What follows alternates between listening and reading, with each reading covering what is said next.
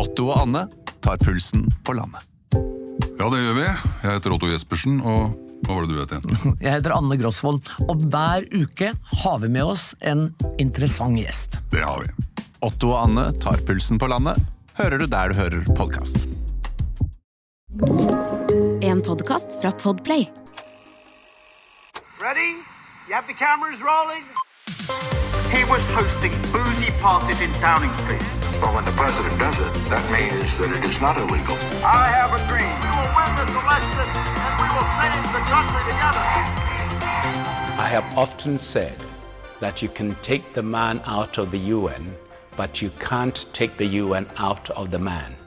Velkommen. Velkommen. Mitt navn er Sofie Høgestøl, Mitt navn er Eirik Bergesen. og dette er vårt nokså uhøytidelige, veldig personlige forsøk på å gå bak ukas nyheter, lete etter sammenhenger, si noe om framtiden, på jakt etter det store bildet, slik vi ser det. Hver fredag. Ja, og velkommen, kjære lytter. Eh, Dette er jo en, eh, en superepisode vi har satt sammen i dag. Ja, jeg vil kalle det min drømmeepisode. Eh, Jeg har iført meg min, mine beste klær, som er altså T-skjorten med dialog, eller dialog, som daværende utenriksminister Johan Gahr Støre sa. Det skal være en litt sånn UE der. Eh, Så vi får bare begynne med å introdusere gjestene våre, det er faktisk. eh, Fordi det er Merete Fjell Brattested. Velkommen. Tusen takk. Eh, Du er det som er litt eh, gøy, for det er stasjonssjefmøte i UD nå. eh, Og da på en måte jeg benyttet anledningen til å kapre noen hva er stasjonssjefsmøtet? Ja, Merete, som- kan ikke du for, forklare det, da? Hva er det? Jo, det er en samling i august hvert år over tre, fire, fem dager med alle norske ambassadører i utlandet. Så vi kommer, kalles hjem, ristes sammen og sendes ut igjen. Ja, og så er det, det er en viss offentlighet blitt på disse møtene. Det er såkalt Chatham House Rules på noen av møtene. Ja, men det var vel nesten nytt i år. Det har vært noen spede forsøk tidligere uh, med å ha ja, uh, publikum inne, for å si det sånn.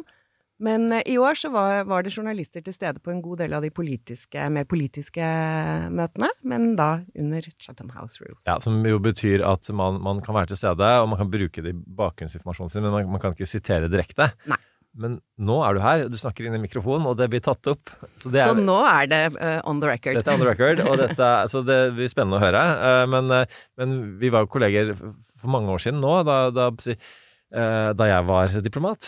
Og, og, og du har jo jobbet veldig, veldig lenge med dip, altså fred da, og konfliktløsning i diplomatiet, som er på en er liksom kjernen i det, og og skal jo da altså nå til, til New York og være FN-ambassadør. Har vært ekspedisjonssjef og leder for FN-avdelingen her hjemme i noen år nå. Ja, det stemmer. Eh, eh, folk har spurt om jeg gleder meg og om jeg er klar, og jeg tror jeg har overtenning på akkurat det. Ja. Eh, så kan man jo si at Norge har litt sånn overtenning på FN i seg sjøl. Det skal vi komme tilbake til. Ok. Eh, fordi vi må også interessere deg, Tove Gravdal, som er journalist og forfatter.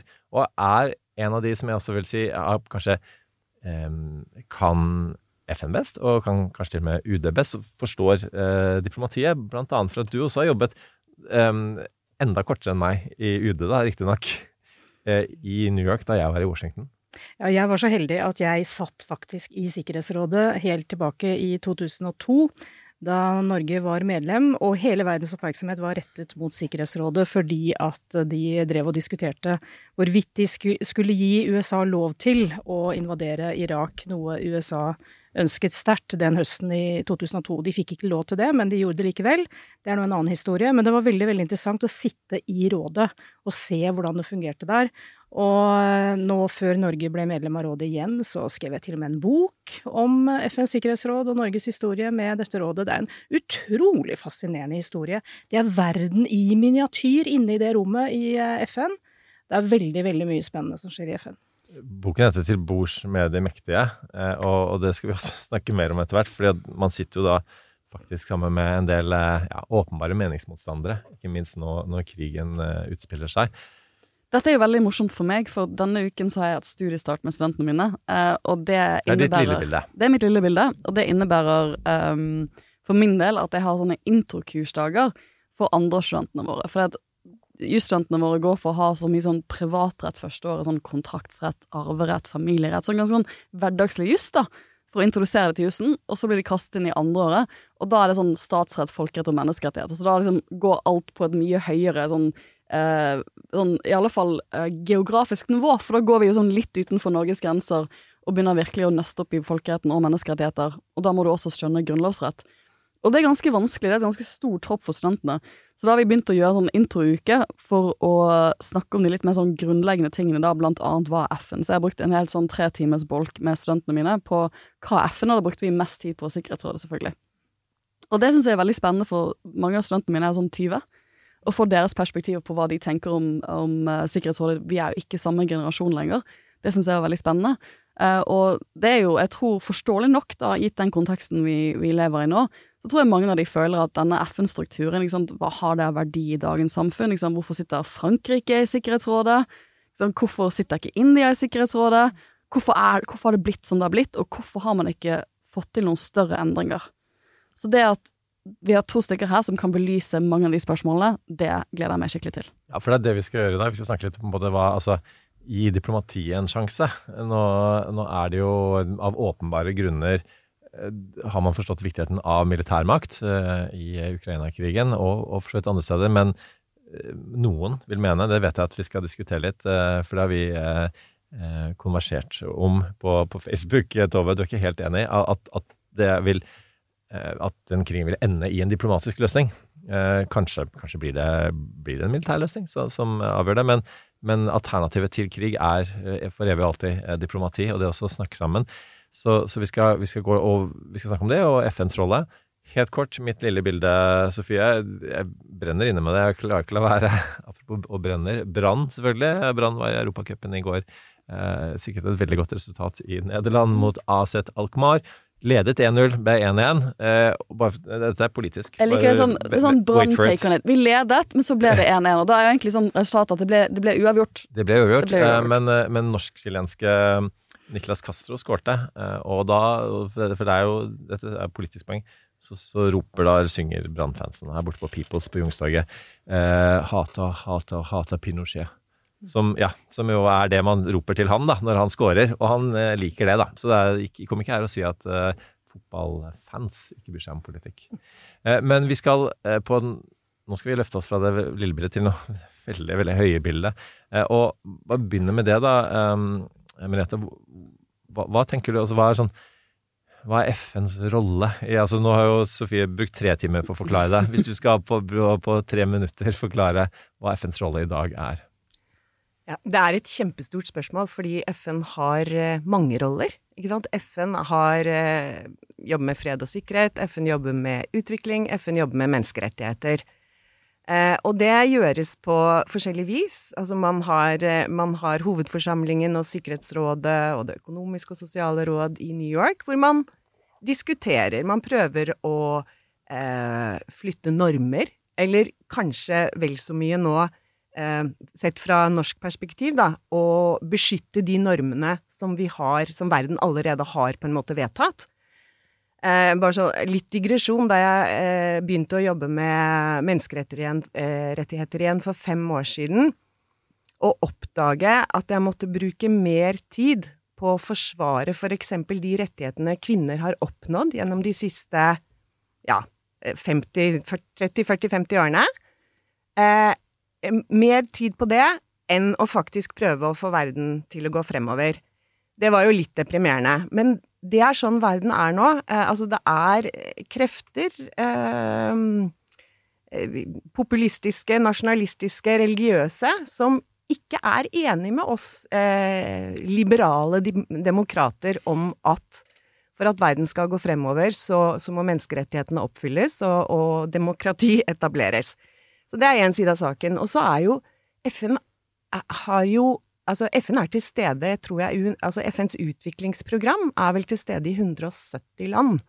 Med eh, programmer som handler om eh, ja, å støtte Altså basically støtte land i deres utviklingsbestrebelser. Så de, de, er, eh, de er på bakken, og de er der for å, å bidra. Og så er det selvfølgelig det som eh, nå har hatt mest oppmerksomhet. Vi har sittet i Sikkerhetsrådet. Eh, Ukraina-krigen eh, Altså, Russland har invadert eh, Ukraina. Og Sikkerhetsrådet kan ikke gjøre noe med det, fordi Russland er eh, fast medlem og vetomakt. Um, så det er veldig mye FN er veldig, veldig mye. Og FN er viktig. Altså, det er den eneste globale organisasjonen hvor alle er med. Alle, har, alle land har én stemme. Uh, og altså Det er jo ikke bare idealisme for en norsk diplomat å si at vi tror på FN og en regelbasert verdensorden. Dette er norsk kjerneinteresse i mitt hode. Norge uh, har tjent bra på at verden er blitt enige om regler. For, kanskje mest fordi vi er et lite land? Ja, vi er et lite land, og hvis, uh, hvis på en måte vi ikke hadde hatt et FN, eller ikke hadde hatt et sted å møtes, så er det makta som rår. Så kan du si makta kan jo rå allikevel. Eh, og det er grenser for, eksempel hva Sikkerhetsrådet kan oppnå. Men jeg må si, jeg, jeg begynte i UD i 1990, og min aller første Jeg husker min aller første tjenestereise var til et FN-møte i Genéve. Og da, det som skjedde på liksom første dag, det var at Vest-Tyskland og Øst-Tysklands delegasjoner ble forent til å bli én eh, delegasjon. Så jeg er jo på en måte kommet inn i diplomatiet i en tid hvor vi virkelig har trodd at verden bare skulle bli bedre. At, eh, at vi eh, Hvis vi bare snakket nok om demokrati og menneskerettigheter, så ville folk forstå det, liksom. Og så ser vi det at nei, men det er jo ikke sånn nå. ikke sant? Altså vi er nødt til å vi, vi, må tenke litt annerledes om hvordan vi snakker. Ja, Til deg da, Tove. I den tiden vi lever i, som, som Rette beskrev nå eh, to, Du skal få ikke bare ett vanskelig spørsmål, du også. Du skal få to vanskelige spørsmål. Det ene er eh, er det Altså, kunne man i hele tatt sett for seg at FN hadde blitt etablert i dag, hvis man ikke hadde hatt det, og man så viktigheten av det? Og, og to, er det ikke noe man kan gjøre for å reformere dette systemet? F.eks. å sikre at, at, Russland og for så vidt Kina også blokkerer da, i Sikkerhetsrådet viktige vedtak, som, som, som, av de aller viktigste kanskje, eh, konfliktene i verden i dag. Det første spørsmålet er veldig enkelt, for svaret er nei. FN hadde ikke kunnet bli etablert i dag. Og den viktigste grunnen til det, det er eh, den politiske situasjonen i USA. Eh, fordi eh, det er jo helt altså historisk oppsiktsvekkende at det var mulig å få den amerikanske kongressen til å stemme ja til denne verdensorganisasjonen, som de gjorde i juli 1945. Da var det 98 av 100 senatorer som stemte ja til FN-pakten. Helt historisk. Det hadde jo aldri skjedd nå med de isolasjonistiske tendensene du har i amerikansk politikk i dag. Det hadde vært helt umulig å få ratifisert FN-pakten. Og uten USA hadde FN vært dødt fra dag én. Folkeforbundet døde jo annet fordi uh, USA ikke, ikke ble med. Og vi må huske USA betaler 22% av FNs budsjett. Altså de er helt eh, Man kan si hva man vil om USA, og de er eh, maktutøvere i FN-systemet, men uten USA aldri noe FN. Det var jo derfor det var så skummelt da Trump var president, og skummelt hvis han blir president igjen. For han er jo ikke noen multilateralist. Han eh, bryr seg ikke noe om FN og internasjonalt samarbeid. Så det er det ene. Og om det, blir, om det er mulig å reformere Det har jo vært noen tendenser på altså I 1965 ble jo Sikkerhetsrådet f.eks. utvidet med fire medlemmer. Eh, fra, 9, nei, fra 11 til, eh, til 15. Eh, det kan skje igjen, det er ganske sannsynlig at det kommer til å skje på et eller annet tidspunkt, men du kommer nok ikke til å få til noen endring i hvem som er faste medlemmer, fordi da må vetemaktene selv være med på å mm og si ja til det. Og Frankrike og Storbritannia, selv om de nå er ganske små i den store sammenhengen, så kommer de aldri til å gi fra seg dette utrolig viktige verktøyet som de har ved å være vetomakter i, i Sikkerhetsrådet. For ikke å snakke om eh, Russland, USA og Kina. Ja, Dette var jo et spørsmål jeg fikk fra studentene mine, men liksom Frankrike kunne jo si fra seg veto, liksom, gå foran med et eksempel, og det har jo blitt luftet av av eksperter i mange tider. Liksom. Ja, men Frankrike liksom, går foran. Det kommer de alle til. Hvorfor, hvorfor, hvorfor, skulle de gjort det? Når du først har fått vetomakt. Jeg spurte studentene mine hadde dere gjort det hvis dere skulle representert et land med vetomakt. På ingen måte. Um, men jeg, jeg syns det du sier om USA er veldig viktig, for vi har jo dette opptaket i ikke så lang tid etter denne første republikanske presidentdebatten, og da var jo for eksempel Ukraina-krigen et tema, og der ser du jo hvor denne voksne, også sånn innad i det republikanske partiet, hvor langt de har flyttet seg på en del sånne internasjonale spørsmål, hvor noen av hovedkandidatene da, de, de kommer ikke til å vinne over Trump og sånne ting her nå, men de vil jo heller ikke De mener jo at man skal trekke ut støtten til Ukraina, for eksempel. Og det, det, det er jo vanskelig å se for seg at den type politiker um, ville ønsket å, å, åpne opp New York for en internasjonal organisasjon, uh, slik som man gjorde i 1945. Så, uh, og det, det, var litt det jeg snakket med studentene mine også om, at selv om dette systemet, selv om dere kan se på dette systemet og tenke at dette er veldig mangelfullt, så er det nok et system vi ikke ville fått til i dag. Det er det beste vi har, og vi må liksom jobbe innenfor de rammene av, de, av det systemet. Men da fikk jeg liksom spørsmålet hvordan jobber et lite land som Norge innenfor et så stort system, og da ser jeg selvfølgelig på deg. Jo, eh, ja, eh, vi jobber, og altså vi må jo prioritere til enhver tid, ikke sant, hva vi syns er viktigst. Men jeg tror Norge på mange måter har en ganske sånn eh, unik rolle i, i eh, hvert fall i eh, New York og Genéve, de store FN-hovedstadene, hvor vi nok er de Vi snakker med alle. Altså, vi er det lille landet som eh, kan ta sjanser. Eh, som har altså Min marsjordre fra utenriksministeren nå er du skal bli kjent med alle. Eh, det, er ikke, det, er ikke, noen du ikke skal snakke med. Eh, og det, vi har tillit, og jeg tenker mye av det som er problemet nå, det er en tillitskrise. Særlig mellom eh, vestlige nordland og, og det som ganske dårlig kalles det globale sør.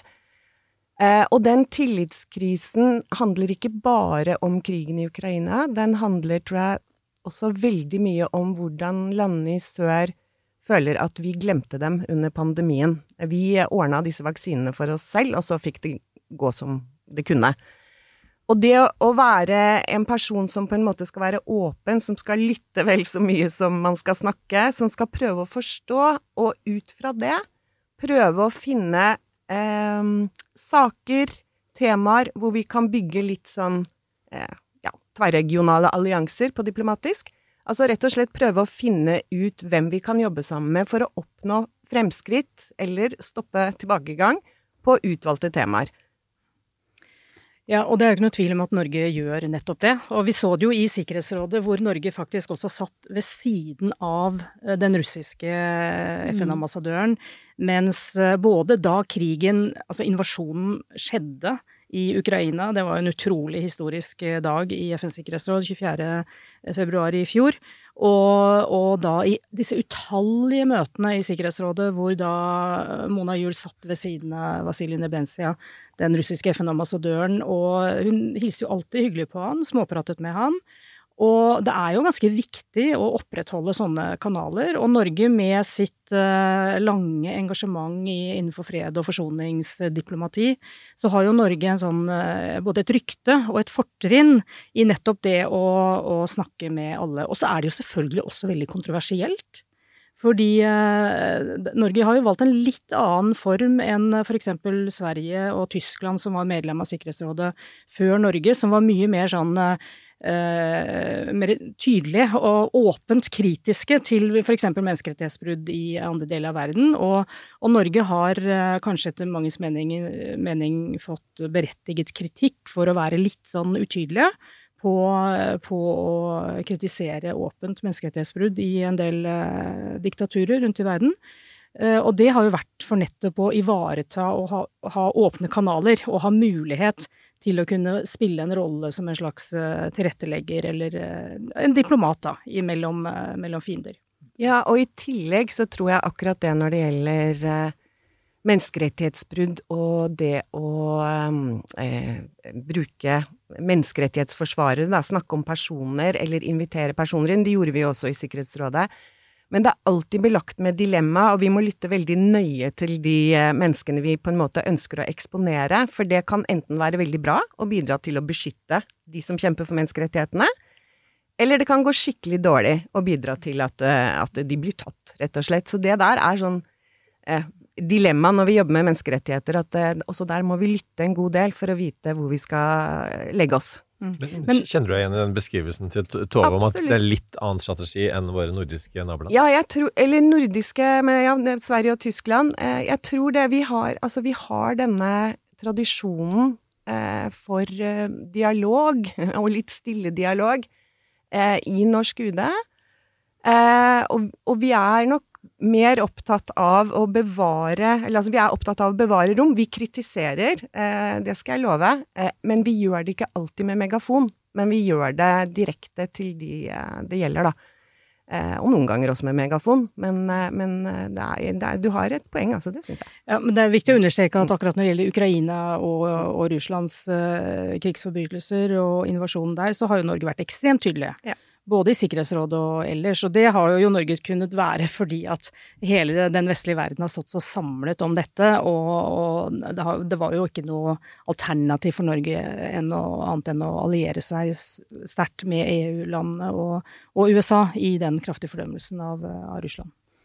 Bare for å plukke opp eh, litt det poenget dere gjorde med at det globale, globale sør eh, nok ikke følte seg eh, like um, likebehandlet under covid, så hadde vi jo utviklingsministeren på podkasten for noen måneder siden, og det snakket vi litt om, da, at, um, at den kombinasjonen av covid-opplevelsen og også det som har skjedd nå etter krigen, at når hun reiser på afrikanske unionsmøter eller rundt omkring som hun gjør, og snakker med samarbeidspartnere, så merker hun at vi har en sånn vestlig tendens til å tenke på at alle ser på krigen på samme måte som vi gjør.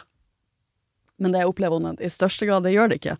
Og det vi ser nå på andre siden, er jo at eh, BRICS, disse BRICS-landene, Brasil, Russland, India, Kina og Sør-Afrika, de har jo eh, gått for, inn for å utvide eh, denne klubben denne uken. Eh, og invitert andre medlemsland, eh, som Saudi-Arabia, for eksempel. Eh, Egypt, Iran.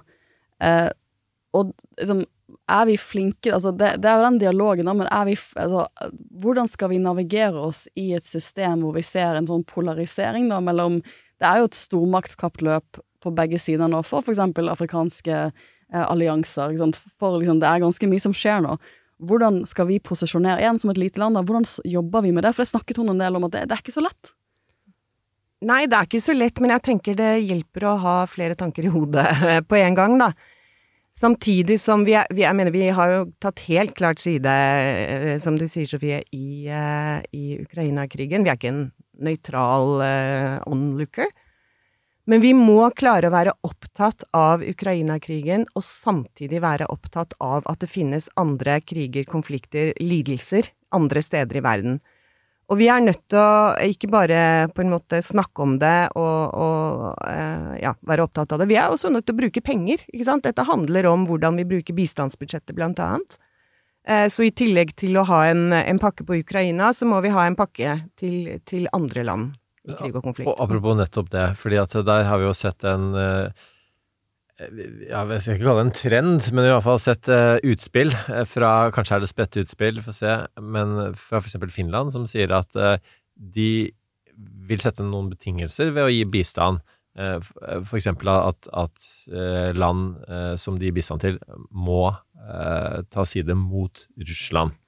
Eh, og så er spørsmålet på en måte er eh, jeg, antar at svaret er det allerede nå, at det vil ikke Norge gjøre. Og jeg tenker det er et godt svar, fordi vi, altså vi det, det, blir litt sånn Altså, antageligvis vil det lukke en del prosesser som, som gjør at og det vil, det vil, ikke hjelpe de dissidentene og de forfulgte i det landet som vi prøver å hjelpe, ved å gi penger tross at vi veldig godt vet eh, at på en måte svakhetene ved, ved regimet. Men samtidig så er jo det ja, la oss se, se, på det som en, kanskje en, en, trend som også kanskje har litt med medias eh, dramaturgi, som handler om å ikke alltid klare å holde to tanker i hodet eh, samtidig, dessverre.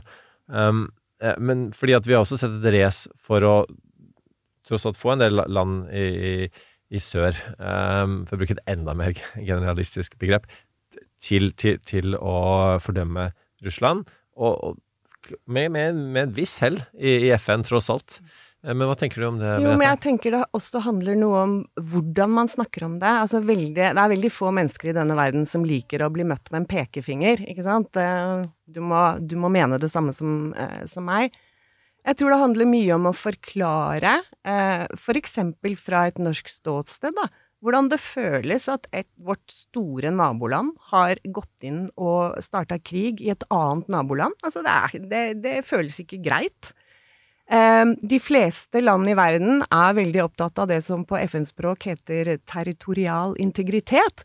Det burde de være opptatt av mener jeg da, i denne sammenheng også, men det er hvordan snakker vi om det? Altså presentere eh, og stille spørsmål om de ikke bekymrer seg for liksom eklatante brudd på FN-pakten, eh, som de jo ellers er veldig opptatt av at skal eh, opprettholdes. Og så gjelder det å være liksom i lyttemodus og høre hva som opptar dem. Jeg, jeg forstår det jo litt, da, når afrikanske lands reaksjon er at eh, jeg kom ikke her og snakk om denne europeiske krigen. Når det er krig i Afrika, så ber dere oss om å løse det regionalt. Ja, det har vi kanskje gjort. Så, så det er noe med å, ja, igjen, flere tanker i hodet på en gang, men også være i lyttemodus og, og, og forstå. Men dette er jo en ekstremt vanskelig debatt. Jeg, jeg ledet en, en, samtale i Arendalsuka om nettopp uh, dette med f.eks. skal Norge kutte bistand til Mali, mm. som nå styres av en militærjunta, som er en udemokratisk regime, undertrykkende regime, som i tillegg støtter Russland aktivt og har Wagner-soldater uh, på malisk jord. Eh, Norge og, og Kirkens Nødhjelp har valgt å bli værende i Mali og gi bistand dit, men det er jo selvfølgelig kontroversielt. Og så er det noe med den retorikken som vi ser internasjonalt nå, i, i nedgangen for respekt for menneskerettigheter og demokrati, og den avdemokratiseringen vi ser i verden. Så, så sprer jo retorikken seg godt eh, drevet av Kina og Russland, at uh, menneskerettigheter og demokrati det er vestlige verdier. Mm. Det er imperialistiske verdier som er påført resten av verden, uh, anført av USA. Og det er jo noe forbanna tull! Mm. Og det er liksom grenser for den dialogen vi kan gå inn i og si at ja, ja, ja, jo da, det selvfølgelig, det har du rett i. for det er, det er ikke riktig. Og det er forferdelig, et forferdelig svik mot de menneskerettighetsforkjemperne og de folka som undertrykkes i alle de udemokratiske landene rundt omkring i verden. Hvis vi skulle gå så langt i dialog at ikke vi står opp for de verdiene som er universelle, eh, basta. Kronemarked hos Bar. Nå har vi en mengde varer til 10 og 20 kroner. Hele denne uka får du løbiff fra Folkets før 54,90, nå kun 20 kroner. I tillegg får du et utvalgt Vasa knekkebrød, før fra 1690, nå bare 10 kroner. Alltid tilbud på noe godt. Hilsen oss i Spar. Merete, hvis du står i en mottagelse over noen kanapeer og litt uh, lunken, middelmådig hvitvin, og noen, en annen ambassadør, FN-ambassadør, sier noe lignende av det Tove uh, formulerer her, hva, hva, hva svarer du da? Ja, det, hva svarer jeg da? Nei, men altså, det er eh, absolutt eh, Altså, det er grenser. Eh, og, og, ja, menneskerettighetene er ikke bare universelle, de er også udelelige. Ikke sant? Altså, det er, det er verdier, og, og jeg er ikke med på et premiss om at det er noe vi har funnet på i Vesten og påført, påført resten av verden. og jeg tenker når det blir da en debatt om, om, hvordan bruke At vi skal slutte å gi bistand f.eks. Til, eh, til land eh, som har diktatur. Vi gir jo ikke stat-til-stat-bistand. Det jo, mm. har vi jo slutta med for veldig, veldig lenge siden. Vi støtter jo nettopp opp om MR-organisasjonene, sivilsamfunnsorganisasjoner, altså og mye, mye i og for seg. Men det går ikke penger fra den norske stat inn i statsbudsjettene i, eh, i andre land.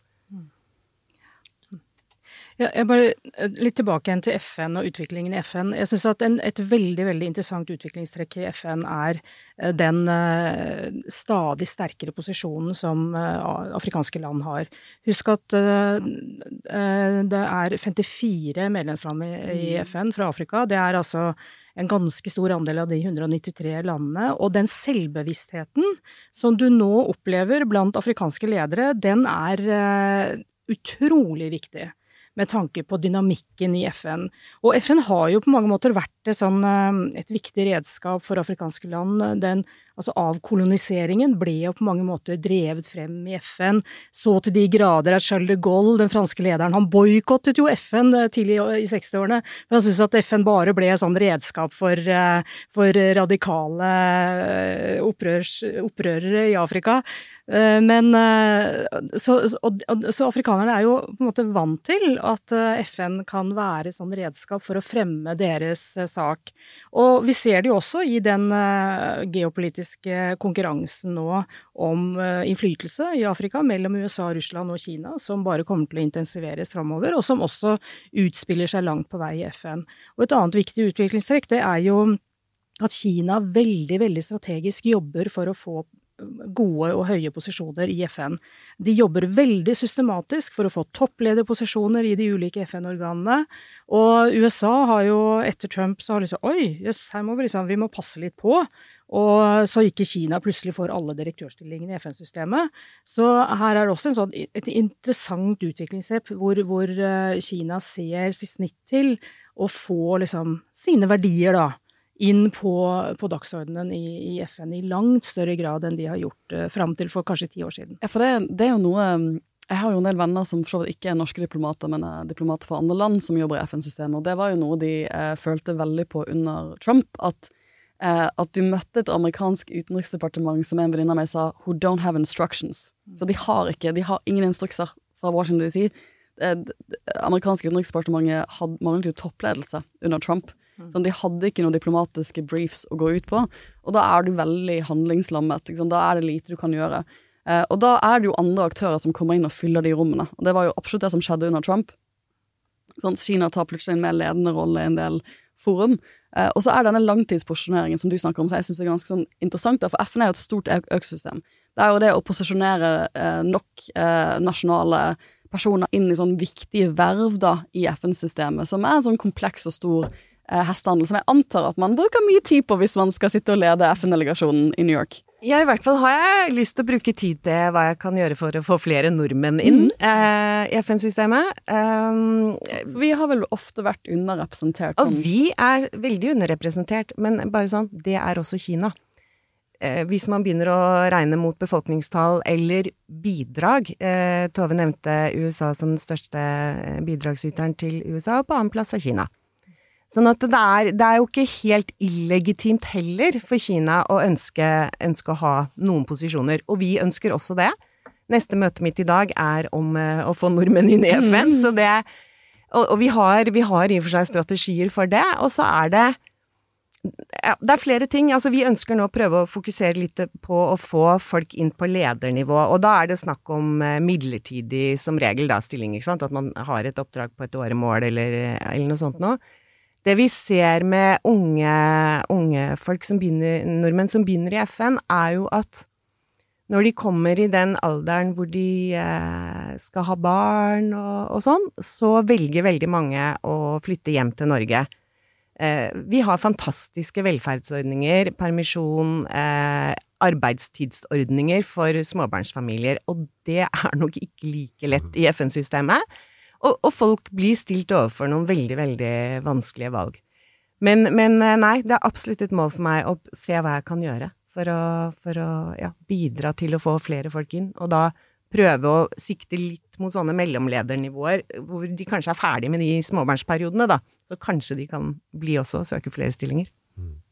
Altså, en annen ting som kanskje kan frustrere folk som jobber både for i FN-systemet, men også i diplomatiet, er jo at ting tar tid, og det er jo meningen, fordi at skal man forankre eh, fredsprosesser osv., så, videre, så så vil det, vil det ta lang tid. Eh, og um, Jeg skal ikke si at det var grunnen til at jeg slutta, men det er klart at det også Noen ganger må du holde kjeft på sju forskjellige språk, eh, og, og, men du kan bak kulissene, som du sier, Merete, være eh, være tydelig òg, for det må man jo være. og Det, det er jo det som sånn som jeg oppfatter det. altså Diplomatiet er, og det å være diplomatisk, det handler om å ikke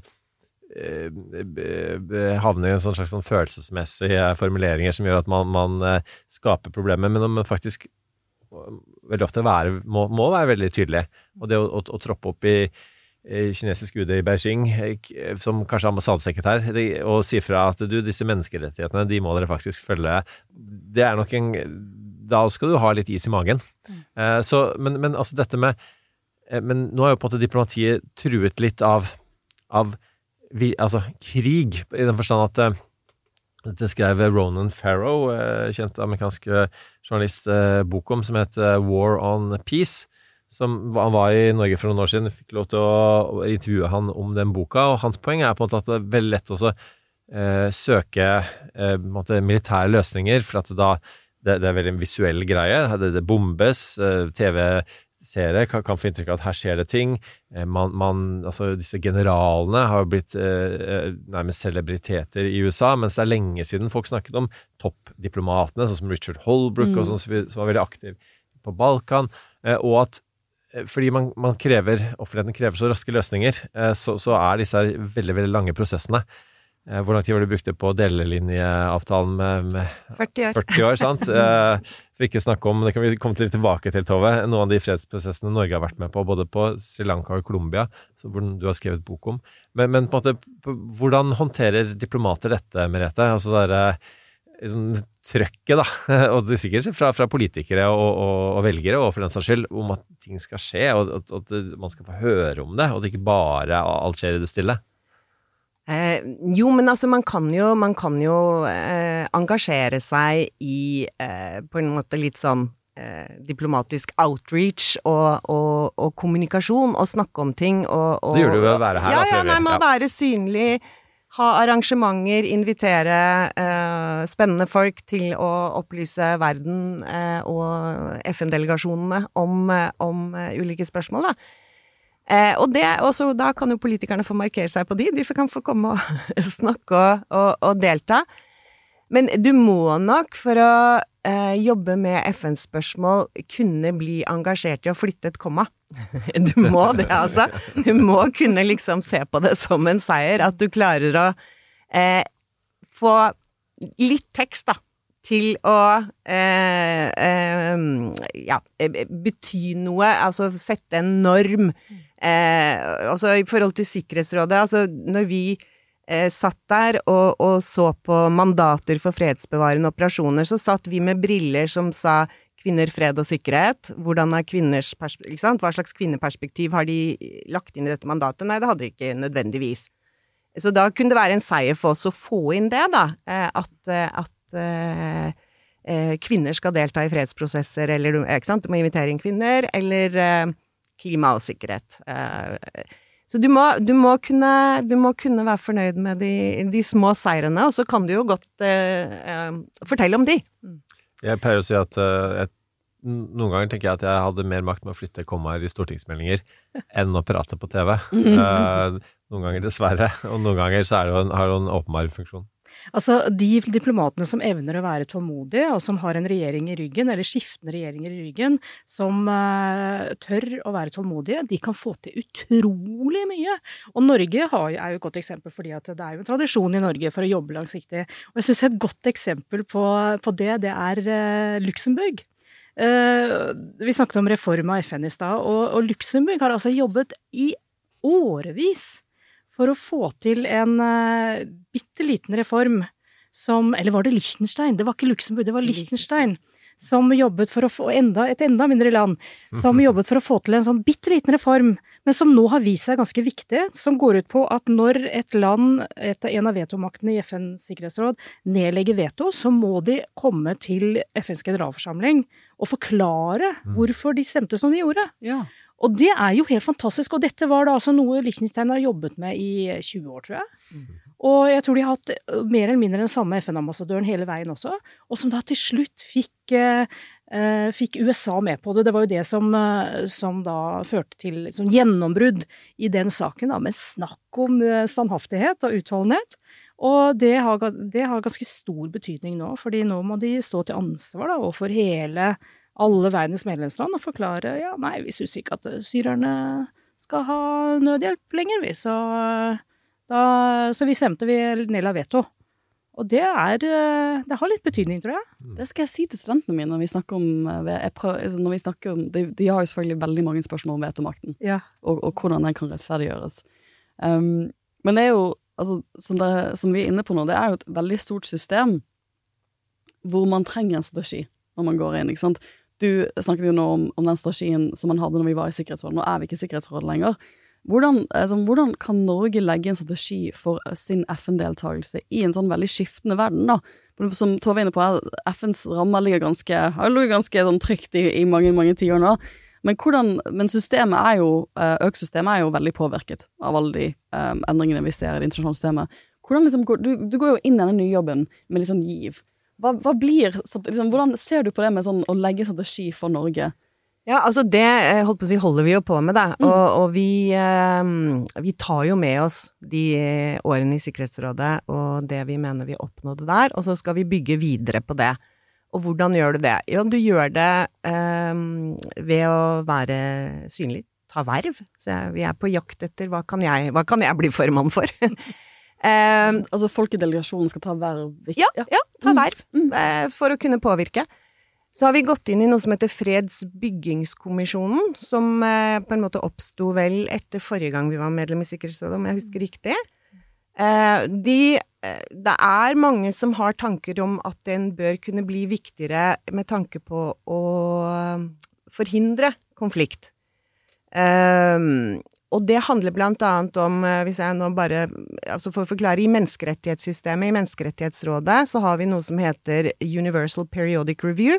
Det er at alle land blir målt på sin oppfyllelse av menneskerettighetskonvensjonene. Det er Inklusivt Norge. ja, inklusiv alle, alle land. Og jeg var med da vi ble målt for noen år siden. Altså, det guri meg, det var et kjempearbeid. Involverte tolv departementer eller noe sånt på å kunne forklare hvordan vi eh, implementerer. Og alle land kan stille hverandre spørsmål, og det kommer masse kritiske spørsmål, og det kommer Norge fikk over 200 forslag til hva vi kunne gjøre bedre. Altså, snakk om. Det er tanker om om man kunne prøve å ta dette systemet, eller noe som ligner på det, inn i fredsbyggingskommisjonen, eh, hvor land eh, kan da eh, bli eh, bedt om å redegjøre for og eh, stilt spørsmål om eh, konflikt i emming. Altså, ikke sant? Og hva kan vi da eventuelt gjøre for, som internasjonalt samfunn for å eh, forhindre at, eh, at konflikten bryter løs. Så det er liksom, det er i hvert fall ett sted vi tenker vi skal prøve å forstå og bli gode. Eh, så får vi se. Spennende. Og Tove, eh, da må vi litt oppsi, eh, inn i jungelen i Colombia, eller ut av jungelen, heter jo boka di da. En tidligere nær kollega av meg, Dag Nylander, som vi var i sekretariatet sammen. Eh, Og, og jeg traff han midt oppi den prosessen, og jeg, jeg tror jeg spurte om noe med sånn familieliv og sånt. Ja, det burde jeg ikke spurt om, fordi det var, det var ikke mye familieliv. Det var, noe, var det 250 reisedøgn han hadde, noe sånt. Han brukte jo da, er det nå kanskje sånn ti år av sitt liv nærmest, på dette. Og så vet vi at eh, og Selvfølgelig kjempespennende og, og resultatrikt. Men så vet du også, det er ni av ti fredsprosesser feiler. Det er andre som har jobbet like lenge og like tungt med ting som ikke har fungert like bra til, til slutt. Um, men kan ikke du bare fortelle litt om måte, hva var det, hva var det Norge gjorde der som, som, som ga de resultatene? Det ble jo en, en fredspris annet til FARC-lederen og presidenten i Colombia. Eh, Den fredsprosessen som altså startet med hemmelige møter i, eh, i eh, vinteren 2011, er jo helt fantastisk eh, spennende. Den er både dramatisk i form av eh, veldig spennende helikopterturer inn i jungelen for å hente ut geriljaledere til, til forhandlingene på Cuba. Noen norske diplomater var med på hele tiden. Det høres veldig eksotisk ut, og veldig, det er jo en sånn eh, thrillerelement i, i den delen av historien. Men det jeg syns er, like viktig å fortelle, er at uh, i løpet av de fem-seks årene som denne prosessen, som forhandlingene pågikk da på Cuba, så jobbet også Norge og da min medforfatter Dag Nylander veldig, veldig systematisk, annet overfor FN-systemet, for å sikre en eventuell fredsavtale i etterkant. Og det har virkelig vist seg at det har betalt seg. Eh, Fordi eh, til tross for motstand både fra geriljabevegelsen FARC og fra regjeringshold i Colombia, så greide man å få på plass en sånn ordning hvor det var Sikkerhetsrådet som skulle være en slags garantist for at denne fredsavtalen ble gjennomført. Dvs. Si i form av avvæpning av geriljasoldatene og i form av oppfølging av de andre delene av, eh, av fredsavtalen. Og det Jeg snakket blant annet med Eller vi intervjuet blant annet utenriksministeren, daværende utenriksminister i Colombia, til boken. Som sa, hun innrømmet at hun hadde vært kritisk til eh, FNs sikkerhetsråd, at de skulle ha noen rolle. Men hun, har, hun sier da nå etterpå at ja, takk og pris for at dette ble forankret i FNs sikkerhetsråd. For hvis ikke hadde hele avtalen bare smuldret opp. Fordi eh, Colombia fikk en eh, president i 2018 som ikke var interessert i å gjennomføre avtalen, men fordi FNs sikkerhetsråd eh, hadde en, en det, et kontor, et FN-kontor i Colombia som rapporterte til Sikkerhetsrådet hver tredje måned, og som, som fortsatt gjør det. Og, og, som på en måte sørget for at det var et sånn internasjonalt blikk på denne prosessen i, på gjennomføringen da, av fredsavtalen, så overlevde den faktisk de fire årene med en president som bare hadde all interesse av å torpedere denne avtalen. Og igjen, det er også et resultat av ekstremt sånn langsomt og ø, vanskelig diplomatisk arbeid øh, i motbakke, og som, øh, som, Norge var en veldig, veldig viktig del av i Colombia. Men også, Apropos polarisering, altså, og, og det å snakke med folk som mener andre ting enn en selv. Altså, den type forhandlinger, da sitter du med folk eh, og skal fasilitere, som det heter, og skal legge til rette for eh, det, er sånn vi, det er ikke sånn Norge har de manglende pusle, brikkene i puslespillene. Det er jo sånn at vi, vi, vi la, gir den konteksten, vi gir bakdøren til, til samtaler osv. Det er bare det å lande i Norge og være, få lov til å være anonym, kanskje også noen ganger i, i samarbeid med, med media. Um, eh, men altså du ender noen ganger da med å sitte ved et bord um, hvor det, er folk som måtte ha ja, i realiteten er ansvarlig for drap av venner, familie, til en person på andre siden av bordet. Mm. Altså, i, en tid hvor det er hvor dialog eh, Vi sliter bare med det. Altså, hvordan, eh, hvordan får man til noe sånt? Hvordan klarte Dag og hans kolleger det? Ja, jeg vil jo anbefale å lese, lese, boken, for det er en utrolig sammensatt og komplisert historie. Og ikke nok med at man satt sammen med folk som uh, beviselig hadde begått krigsforbrytelser. I tillegg samarbeidet Norge veldig veldig tett sammen med det autoritære regimet på Cuba uh, for å drive denne prosessen framover. Det var altså Norge og Cuba som var disse garantistene for denne fredsprosessen. Og det er uh, en veldig, veldig komplisert og sammensatt prosess. og Uh, og, og, det er veldig mye å lære der, syns jeg, i tilfelle Norge faktisk kan få en rolle i Ukraina. Altså, det var jo store nyheter at uh, president Zelenskyj i møte med Jonas Gahr Støre i Kiev sier at uh, han kan se for seg at det kan bli samtaler med Russland i Norge. Wow, for en utrolig tillitserklæring, og for en utrolig oppgave hvis det skulle skje! Men altså, jeg skjønner jo hvorfor han eh, peker på Norge, fordi Norge har jo veldig veldig lang erfaring med den type tilrettelegging. Uh, og, og, som handler om å finne den måten å manøvrere i et sånn veldig veldig vanskelig landskap, og ikke skulle påføre partene sin vilje, for de må finne frem til løsninger selv, og, men samtidig liksom dytte de driver med sånn som du kaller nagging på engelsk, og, og liksom tilstrekkelig til at de faktisk beveger seg frem mot en konstruktiv løsning. Det er en fascinerende prosess. altså Colombia er liksom uh, gullstandarden for den type forhandlinger som vi forhåpentligvis uh, får også når det gjelder Ukraina. Da, da, skal jeg prøve å ta dette inn til landing, for dere har jo uh, dager dere skal videre med. Um, du skal jo tilbake til alt som skjer rundt dette store samlingen av norske ambassadører. Uh, men jeg lurer litt på akkurat det, for uh, Colombia-prosessen viser jo hvordan FN kan komme inn i en fredsprosess og være en veldig altså, Og som du sier, Sikkerhetsrådets rolle er kjempeviktig. nå er vi jo i en stasjon at Russland sitter i Sikkerhetsrådet, og det gjør jo at FN sin tilnærming til Ukraina-krigen blir veldig vanskelig. Men kan vi se for oss at um, det var jo et av spørsmålene jeg fikk fra studentene mine. Hvordan kan FN jobbe med Ukraina-konflikten når Russland har den posisjonen de har? Altså, de kan jo jobbe på andre nivåer enn i Sikkerhetsrådet. Eh, det er kanskje bare å nevne Kornavtalen, da, med, som ble fremforhandlet ved hjelp av FNs generalsekretær og Tyrkia. Eh, så generalsekretærens såkalte good offices kan brukes for å oppnå delmål. Og så øh, tenker jeg FN er en stor humanitær aktør. Altså øh, FNs øh, nødhjelpskoordinator er helt instrumentell i det å forhandle tilgang for humanitære organisasjoner og drive operativt humanitært arbeid i alle deler av Ukraina hvor folk trenger, trenger nødhjelp. Eh, og så, ja, eh, FNs sikkerhetsråd kommer nok ikke inn før eh, Russland eventuelt er, er, klar til det, men jeg tenker man må, man må jobbe med, med, de bitene man kan jobbe med, da, eh, og, og, prøve å skape sånne delløsninger. Og til slutt så kanskje eh, det kan bli et større hele. Men eh, det, det Tove henviser til nå, altså Zelenskyjs Jeg skal ikke kalle det en åpen invitasjon, men i hvert fall en sånn et nikk i retning av, av Norges med de stolte fredsdiplomatitradisjonene. Eh, og som, som, du sier, Merete, det forutsetter at, at, Russland faktisk er villig til å, å ikke sette seg ved et bord, men i hvert fall i hele tatt kanskje da ta en eh, Lufte det i det hele tatt, om det så er rundt eh, kaffetrakteren i, i, New York.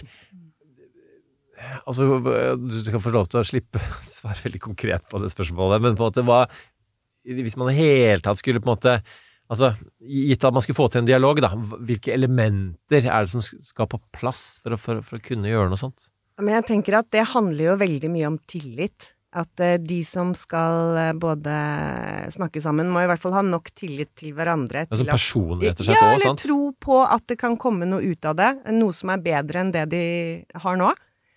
Eh, og så tror jeg eh, Altså, jeg tenker det er et stort kompliment ja, til Norge at Zelenskyj eh, nevner Oslo som en sånn mulig eh, sted. Jeg tror han snakker med flere land. Jeg tror Altså og jeg tror også statsministeren har, eh, vår statsminister altså, har gitt et intervju i dag hvor han eh, sier at vi stiller hvis det er Hvis det faktisk blir noe av.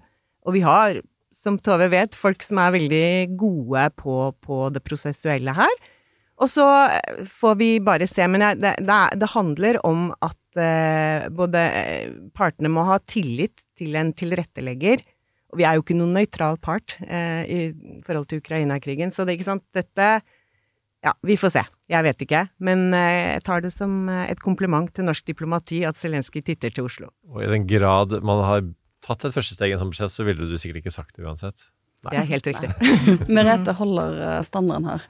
Um, Tove, jeg tenkte du skal få siste spørsmål, for det, det er jo litt Det, det er jo det Altså, vi, tenker du at vi er noe nærmere en stasjon hvor vi får aktive fredsforhandlinger? Det er jo litt Vi har jo snakket om det et år i denne podkasten. Liksom, hva er det som må til? Hvor må man komme? Uh, vil det være noen militær løsning? Dette er jo de store dette er jo dagens store spørsmål. Ser du tegn nå på at det blir, man kan være nærmere en fredsforhandlingssituasjon? En forutsetning for eh, noen som helst form for samtaler og, forhandlinger er jo at eh, begge partene ønsker det, at det er en genuin vilje på begge sider. Og at det er liksom eh, Realitetene på bakken tilsier at det er mer å hente med å finne en forhandlet løsning enn en militær løsning, og at begge parter på en måte ser det. Det var jo det som var tilfellet i eh, Colombia. Ingen av dem kunne vinne. Ok, kanskje vi kan vinne mest ved å inngå en avtale. Eh, det er langt derfra i Ukraina, som jeg ser det. Og, og, for å komme tilbake til det Eirik nevnte innledningsvis, alle sier at det er ikke noe alternativ til en forhandlet løsning. Altså Dessverre er det jo faktisk det. Uh, russerne kan slippe en atombombe over Ukraina. Da er eh, krigen over, og Russland vinner. Uh, Nato kan velge å gå inn og knuse Russland. Da vinner Ukraina, og Ukraina blir Nato-medlem osv. Det er ikke utelukket at det er en militær løsning langt der fremme. Veldig usannsynlig, men, og det er jo håpet at det blir en forhandlet løsning. Men det er jo ikke noe tvil om at uh, sett fra Zelenskyjs side, det er ikke noen grunn til å stole på Putin. Han har ikke gitt noe grunnlag for å stole på at han vil gå inn i forhandlinger med en reell vilje til å, finne kompromisser. Så det ser litt, uh, litt grann mørkt ut. Vi kommer til å følge dette videre. Merete og Tove, dere har gjort oss så mye klokere. Jeg gleder meg sånn til å se deg i rollen, Merete. Det kommer til å være det kommer til å bli, altså, det, Snakk om en spennende jobb. Dette er jo for jeg tror veldig mange av mine jusstudenter selve drømmejobben. Min også. Ja.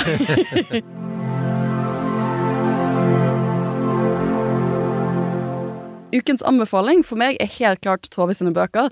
Eh, den boken innom FN fikk en av de morsomste eh, sånn anmeldelsene jeg har lest i en norsk avis, hvor jeg tror Dagbladet skrev noe sånn som at det er, eh, det er bemerkelsesverdig å skrive en så god bok om et tilsynelatende så kjedelig tema.